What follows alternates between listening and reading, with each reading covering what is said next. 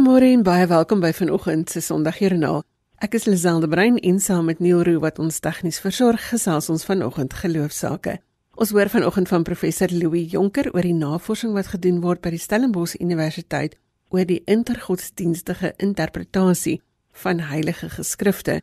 En Neoma Venter vertel van die Weskaapse Nodale Diens se droogtehulp projek. Louis Kutse gesels oor die manne met 'n missie en Eureka Smit van Wellington gesels oor hulle projek om jong kinders skoolgereed te kry. Trek gerus vir jou 'n drinkding nader, want ons kuier saam met jou tot ons oorgee vir die 8 uur nuus. Ons nooi jou uit om saam te gesels per SMS by 45889 teen R1.50 per SMS. Daardie nommer behoort jy nou al te ken, dis 45889 en dit gaan jou R1.50 kos. Onthou ook dat ons op DStv se audiokanaal 813 te hoor is. Jy kan ook saamgesels op Facebook. Alles wat jy van die program wil weet, is dan ook op RSG se webwerf gelaai by rsg.co.za.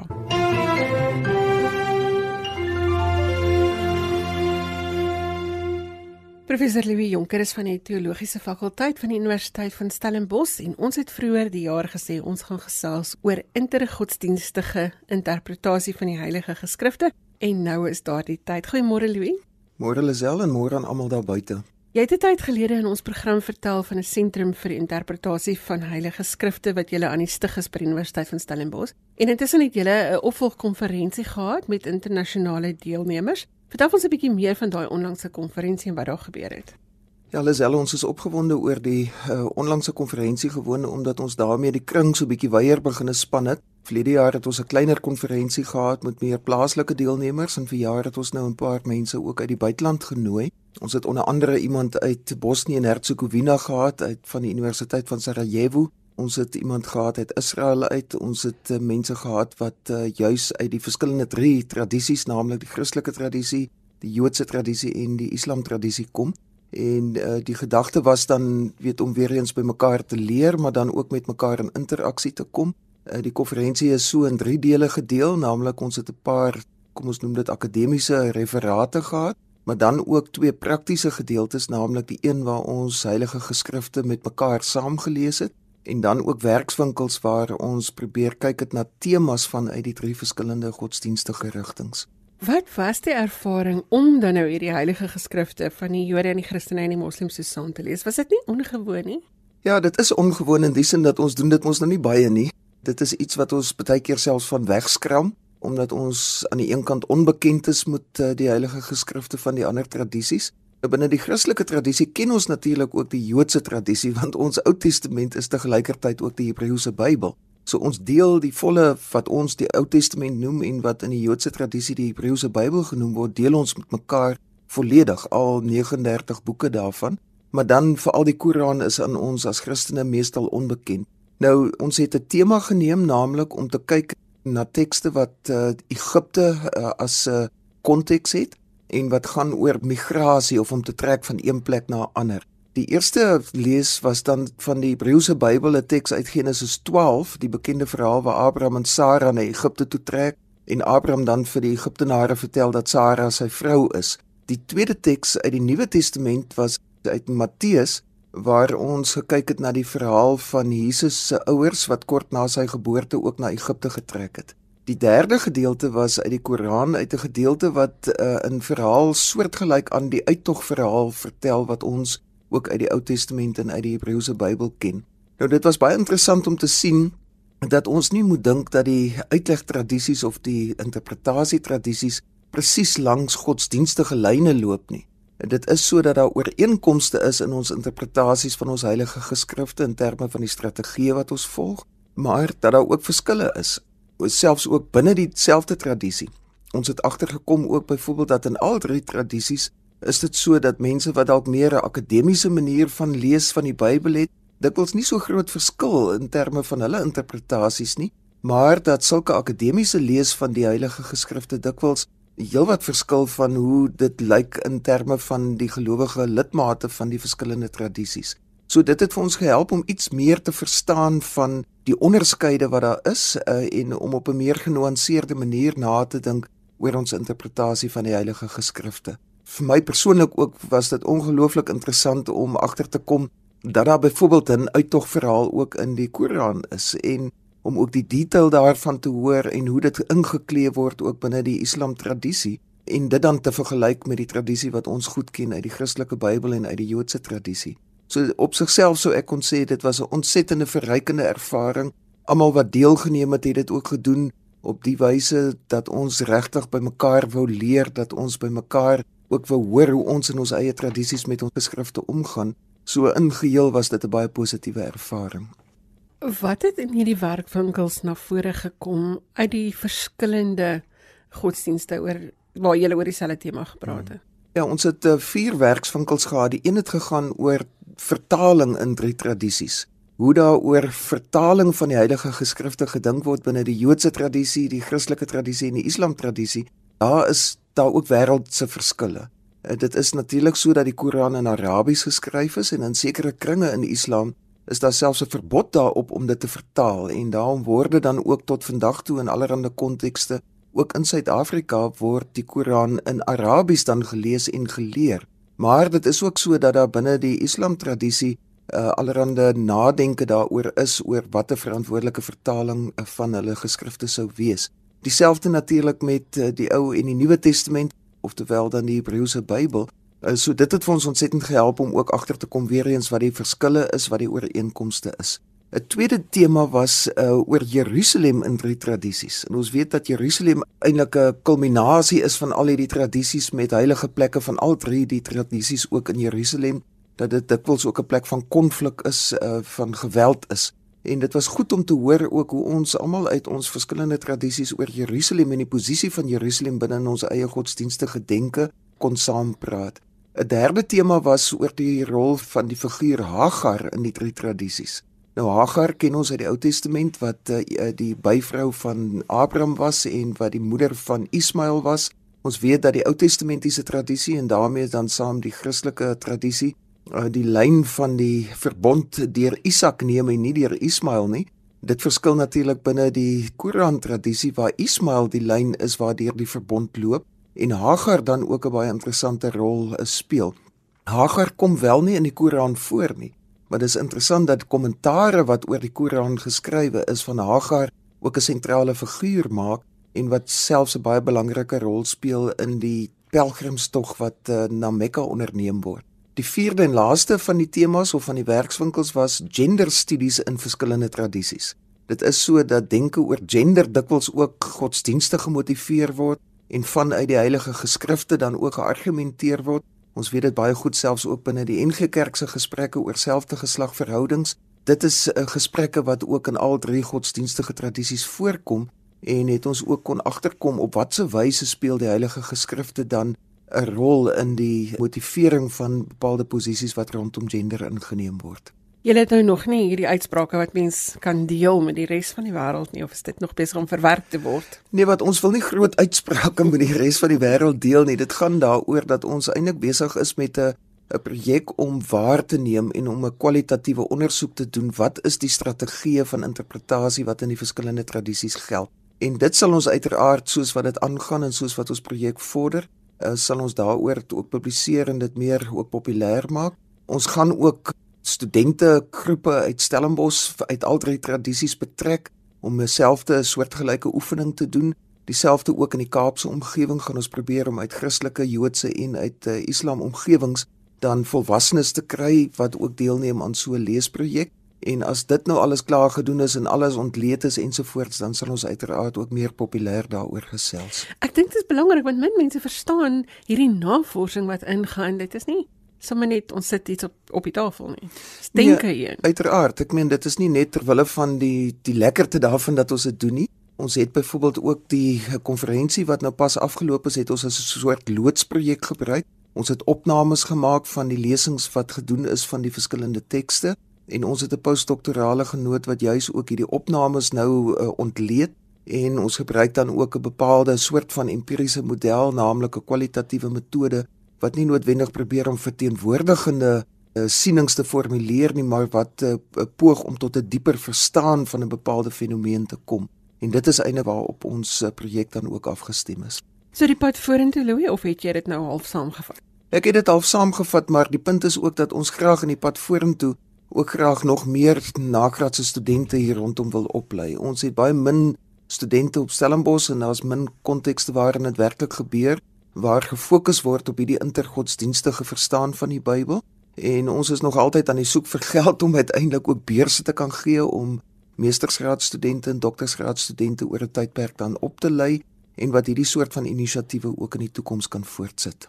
Dit is gesels professor Louis Jonker, hy is van die teologiese fakulteit van Universiteit van Stellenbosch en ons het vanoggend 'n bietjie gesels oor die intergodsdienstige interpretasies van die Heilige Geskrifte. Louis, dankie dat jy hierdie dinge met ons gedeel het. Dankie Lisel. Goeiemôre, as jy nou net wakker geword het, jy is ingeskakel op RSG en die program is Sondagjoernaal.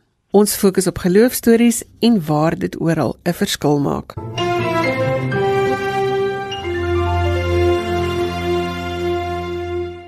Eureka Smith van Wellington is 'n klubcoach vir vroeë kindontwikkeling in Wellington, Parel en in Darling.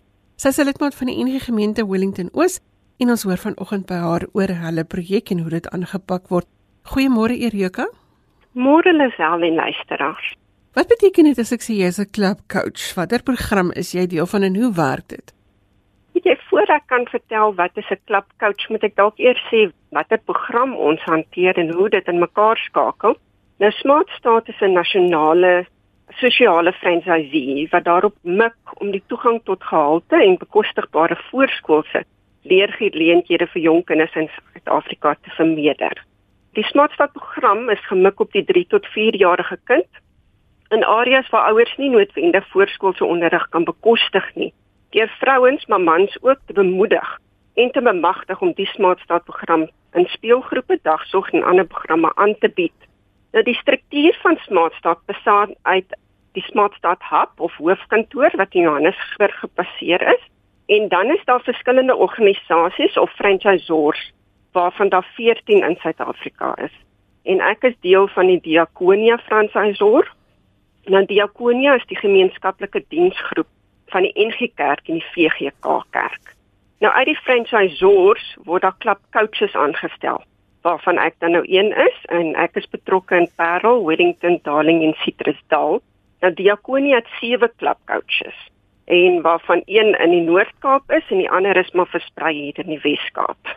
Dit beteken reg oor die NG Kerk in die gemeenskap is daar plekke waar daar vroeë kindontwikkeling aangebied word. Ja, definitief. Wat is die gemeente se betrokkeheid by hierdie projek, Erika?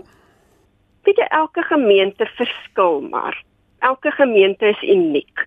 So daar's nie 'n een resep wat werk vir almal nie. Ek kan af praat uit my eie gemeenskap uit, my eie gemeente uit en daar kan ek sê my gemeente ondersteun my regtig baie. As ek ietsie nodig het of so, dan kan ek na die gemeente toe gaan en hulle is altyd bereid om te help. En Wellington Oos het altyd elke jaar 'n fietstoer wat die tieners maar sommer so trap vir 'n organisasie en hulle het byvoorbeeld laas jaar vir Smartstad getrap en hierdie jaar daar vrouens gebrei wat elke jaar brei en dan gee hulle ook vir 'n organisasie. En hierdie jaar kon ek daarom vir baie kinders 'n truitjie gee vir die winter of 'n missie of sokkies en teddybeere en dan in die begin van die jaar het ons byvoorbeeld 'n gemeente ete gehad en van die gemeentelede het dan 'n kaartjie geborg en ons kon 'n groot groep van die Smartstad vrouens dan vir die aand so 'n bietjie treat en vir hulle na ete toe nooi En ek moet ook sê een keer 'n kwartaal is daar twee vrouens in ons gemeente wat 'n werkswinkel aanbied vir vrouens. Nou dit is nie net vir Smart Start nie, dit is ook vir die Amos bediening en so, maar die Smart Starters kan dan daar ook inligting ontvang en werksopdraggies kry en weet wat om te gaan doen in hulle klassies. Wat is die resultate van julle projek? sien julle vordering in die gemeenskappe? Weet jy daar's definitief vordering. Smart Start het hulle eie onafhanklike navorsing oor 'n lang tydperk wat hulle doen en hulle definitief resultate al gesien. En as ek by my eie speelgroepies moet sê wat ek al gesien het is daar's byvoorbeeld kinders wat 3 jaar oud is wat inkom en dan kan hulle glad nie praat nie. En na 'n jaar en dan stap hulle daai uit en hulle is sommer tweetalig. En kinders wat nie sosiaal aanvaarbare gedrag toon nie wat in die Smart Start program insluit en dan kan ons regtig sien dat daar is vordering. Hulle speel saam met maatjies en hulle kan stil sit en hulle luister en ons kry regtig goeie resultate van die graad R juffrouens wat sê dat die smart starters goed aanpas by die skool en wat regtig aanvaarbaar is en goed vorder in skool. Jy praat eintlik van basiese vaardighede wat kinders moet hê wat hulle nie het as hulle by julle aankom nie. Ja, weet jy daar's kinders wat op 3 jarige ouderdom as hulle nie eens gepotty train nie. En hulle kan nie praat nie. Hulle sosiale, weet jy, hulle kan glad nie in 'n groepie sit nie. Dat alles kyk 'n kleintjie is mos maar myne, myne, myne. Ons leer vir hulle dat hulle moet deel. Hulle kan met ouers praat. Ons program is so ingerig dat ons speeltyd is die meeste. Maar ons sê altyd kinders leer deur te speel. So terwyl hulle speel, word die smart starter geleer hoe om daardie kindjie se denke te verbreek. Hoe moet hy praat? In die program is daar byvoorbeeld 'n deel wat ons vir die kinders vra, "Waarmee het jy gespeel? Hoe het jy gespeel? Wat het jy gedoen?" Ek sê altyd vir hulle, hulle leer mondeling praat. En as ek moet vra, Erika, waar kom julle bymekaar? Hoe werk hierdie klein groepie? Weet jy, elke area het klubs, kan ek maar sê. En daar kan tussen 4 persone kan 'n klub stig of tot so 16 lede kan in 'n klub wees en hulle kom een keer 'n maand bymekaar. En daar praat hulle sommer lekker uit hulle hart uit waarmee sukkel ek, wat het ek gedoen, wat werk, wat nie werk nie. En dan maak hulle ook gewoonlik ietsie saam in die groepie. Dit kan 'n speelding wees, dit kan lesmateriaal wees. So hulle kom een keer 'n maand bymekaar en dan gaan hulle weer uit in hulle groepies in hulle eie speelgroepies toe. En as ek nou mag vra jou eie geloofservaring om by hierdie projek betrokke te wees. Weet jy, sonder my geloof sou ek dit nie kon doen nie. Psalm 139 vers 3 beteken vir my verskriklik baie en dit sê of ek reis en of ek oorbly, U bepaal dit. U is met al my baie goed bekend. En ek glo dat die Here vir my geroep het as 'n smartstad klapcoach. Dit het alles begin by 'n preek wat ek gehoor het oor vroeë kindontwikkeling En ek het net besef, weet jy, hier moet ek betrokke raak want dit is waar ek 'n verskil kan maak. En ek hoef nie die hele Suid-Afrika te verander nie. As ek 'n verskil in een kind se lewe maak, dan het ek reeds 'n verskil gemaak en ek weet in my hele hart dat dit die Here se wil is dat ek 'n klapcoach moet wees. En dit beteken vir my verskriklik baie want hierdie mense is so na in my hart en ek dra hulle gereeld op aan die Here. En ek vra gereeld vir die Here, hoe moet ek hierdie situasie hanteer? Hoe gaan ons dit doen? En ek moet sê Here kom elke keer vir my deur. Hy gee vir my leiding, hy ondersteun my, hy dra my deur. Sonder die Here sou ek dit nie kon doen nie. En so gesels Erika Smit van Wellington, sy is 'n klubcoach van die Smart Start vroegkind ontwikkelingsprogram en dit maak deel uit van die groter NG Kerk se projek om ook vroegkind ontwikkeling te stimuleer en aan die gang te hou. Erika baie dankie dat jy vanoggend jou storie met ons gedeel het. Dit is 'n groot plesier. Dankie vir die geleentheid. As jy een van daardie geloofstories het, kan jy dit gerus met ons deel. Jy kan dit vir my stuur na my e-posadres en dit is lizel@wwmedia.co.za. Ek spel dit. Dit is L I Z E L L E by wwmedia.co.za. Daar is net twee W's. Ek gee dit weer aan die einde van die program.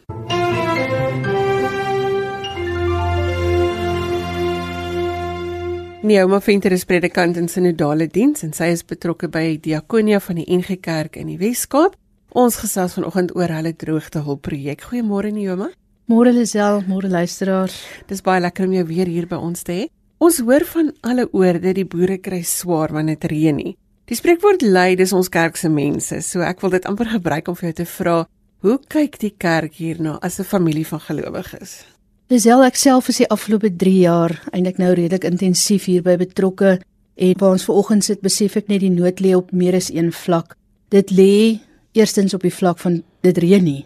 Daar's nie water nie en die veld en die landbou kry swaar. En in hierdie hele proses besef mense net hoe afhanklik ons van die Here is. Dis nie iets wat ons kan laat gebeur nie. Dan die onmiddellike effek natuurlik is die uh, finansiële implikasies wat dit op ons gemeenskappe plaas en ek sê spesifiek gemeenskappe want dit is nie net op die boere nie baie van ons klein dorpies is uitsluitlik afhanklik of grootliks afhanklik die ekonomie van die dorpie van die uh, voorspoed of die teespoed van die landbou.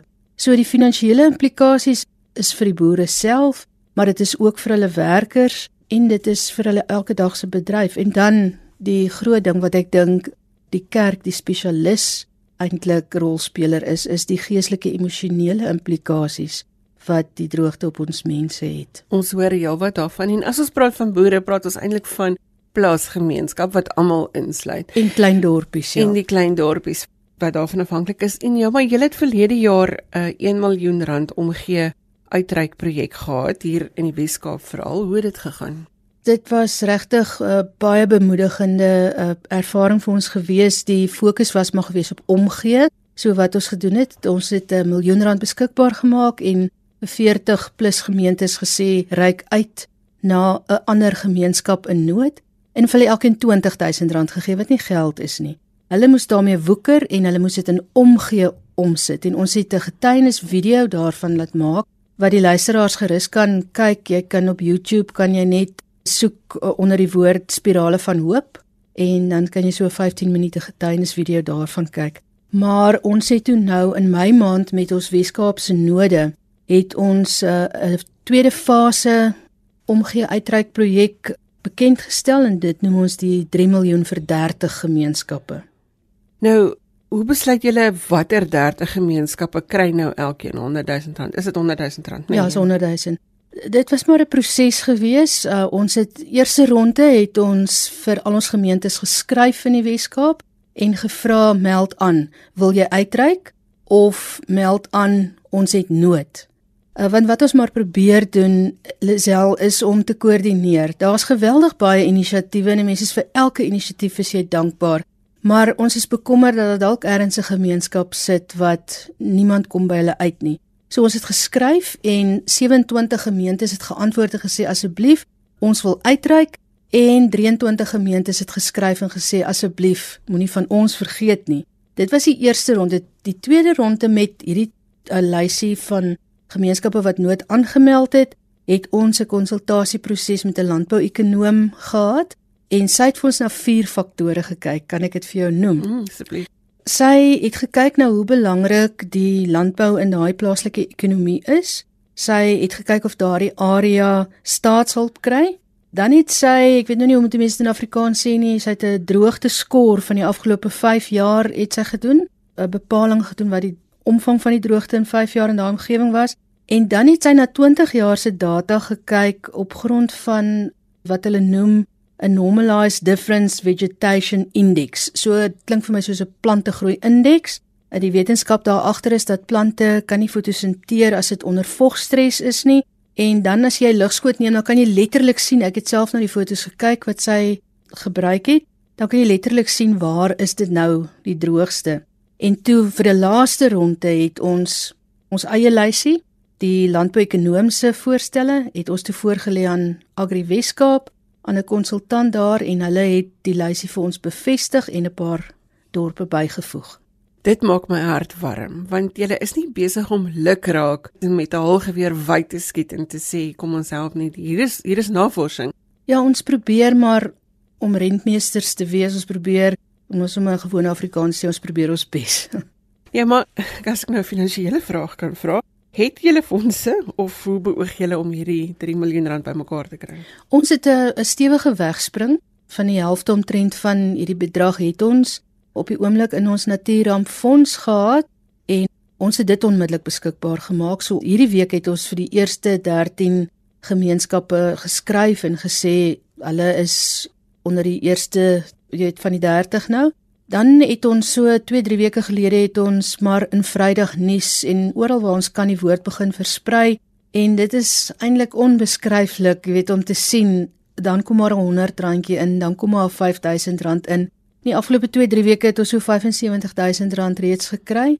So ons probeer maar die woord uitkry dat daar is 'n sentrale fonds, daar is 'n proses om bydraes eweredig te versprei En dit is maar wat ons doen. Dit is hoekom ek vanoggend met jou praat. Ek kry heelwat luisteraars wat vra, "Hoe kan ek 'n verskil maak? Waar kan ek 'n bydrae maak?" Ons by Sondagjoernaal kan dit nie doen nie.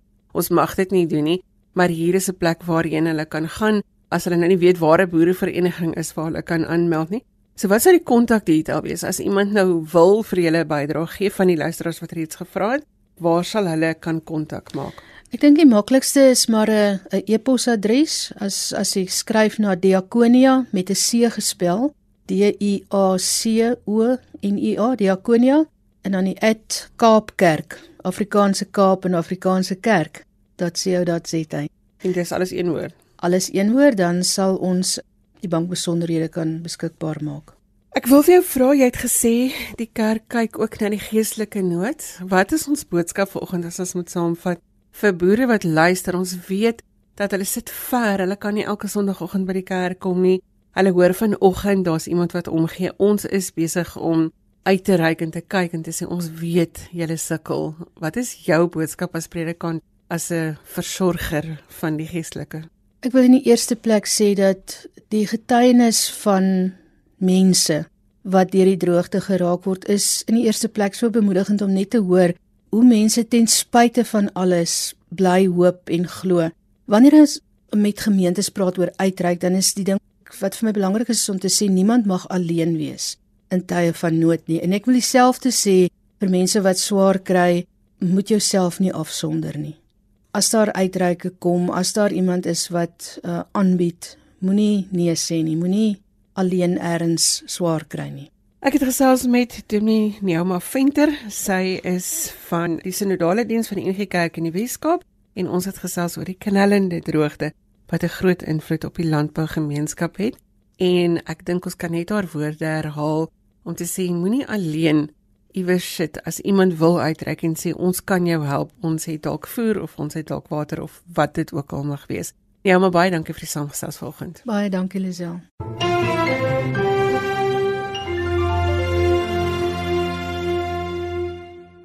Louis Kutsie is van die NG gemeente Vogvol Noord en hy is ook lid van die manne met 'n missie. Ons gesels vanoggend oor hulle projek vir die boere in nood as gevolg van die droogte. Goeiemôre Louis. Goeiemôre Lisel. Louis, wat is die storie agter manne met 'n missie?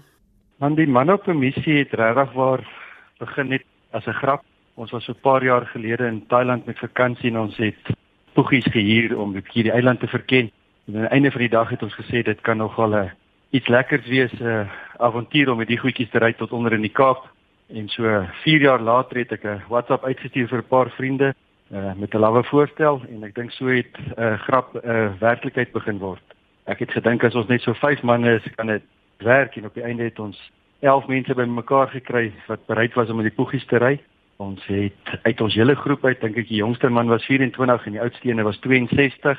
Dan moet ek ook sê dat nie een van ons het 'n poegie besit nie, ook nie 'n lisensie gehad nie sodat alles moes gebeur het. So met die lawwigheid saam het ons besluit dat ons moet ry vir 'n doel en ons het besluit dat ons sal liefdadigheid koppel en elke man op 'n skooter het gesê hy sal 'n 1000 rand skenk vir liefdadigheid wat ons op die pad kan gebruik en op daai stadium was die eilandhuis vir gestremdes in Sint Helena ons ons begunstigde aan die aan die einde van ons toer ons het wel ons roete ook vasgemaak wat ons sou vat dan van Vogwel af verby Sutherland oor Oubergpas deur Tankwa tot aan die aan die Weskus en ek dink dit het ons 'n bietjie gefokus op wat ons kan doen langs langs die pad.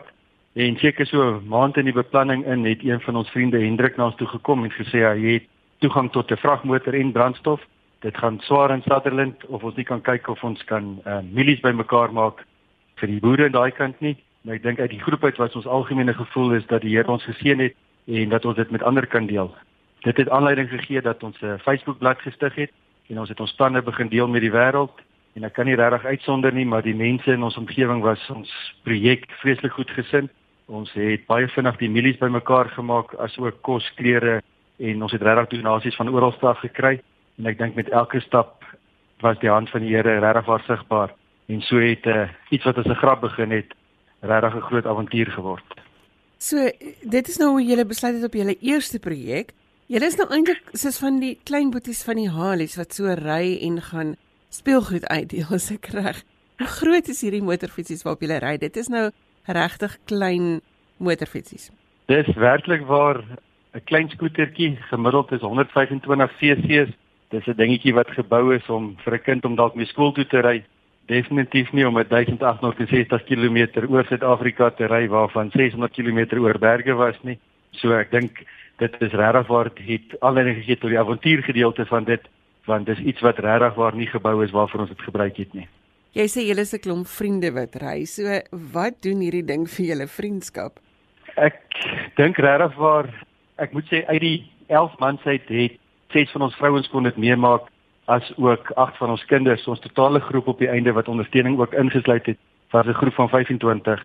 So my gesin was 5 dae in gewees en ek is as 'n gesin van 5 hier weg, maar ek dink ek het met 'n gesin van 25 teruggekom 'n week later. En watter rol speel geloof in dit wat jy doen, Louis? En ek wil so ver gaan om amper te sê dat ek dink nie geloof speel 'n rol nie. Ek dink wat ons gedoen het is net geloof. As ek sê dat ons is geseënd, dan moet ek regtig 'n paar goedjies uitlig uit ons avontuur uit.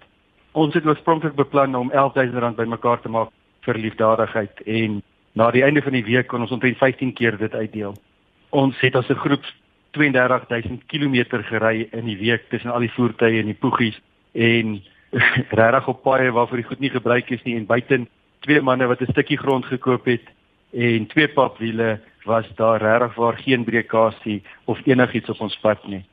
Ek dink uit 'n geloofsoogpunt, die aantal Vosburg het um, Erika de Klerk ons gebid vir die vragmilies wat vir Sutherland bestem was.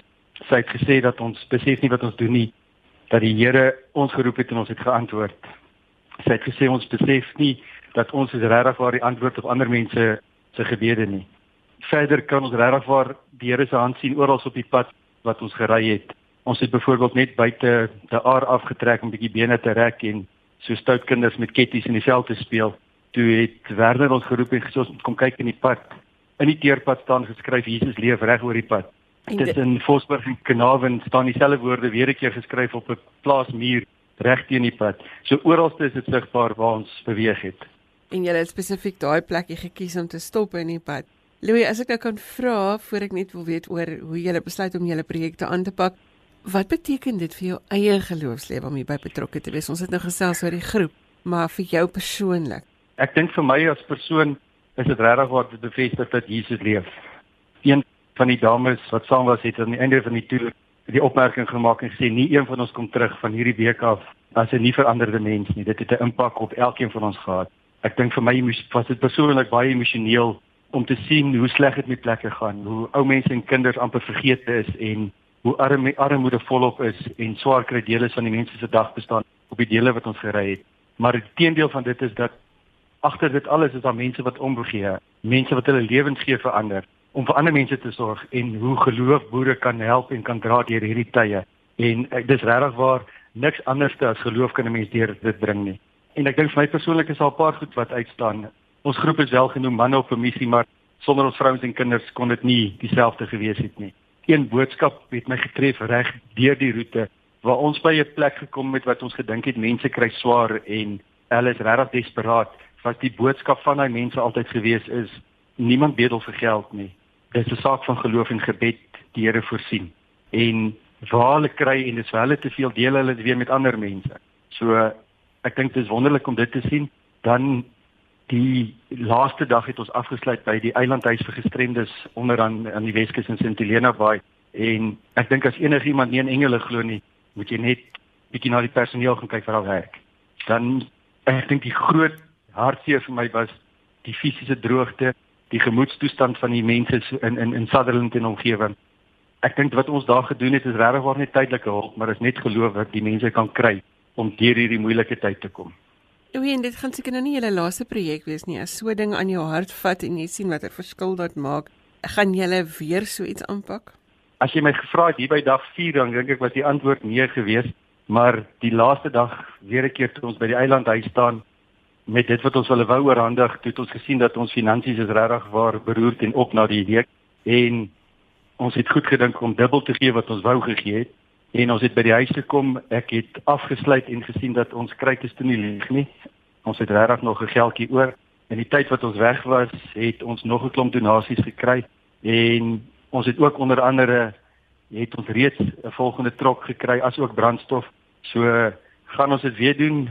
Die antwoord is ja, ons is reeds besig om te kyk of ons vir die gemeenskap van Vosburg 'n vragmilie bymekaar kan kry.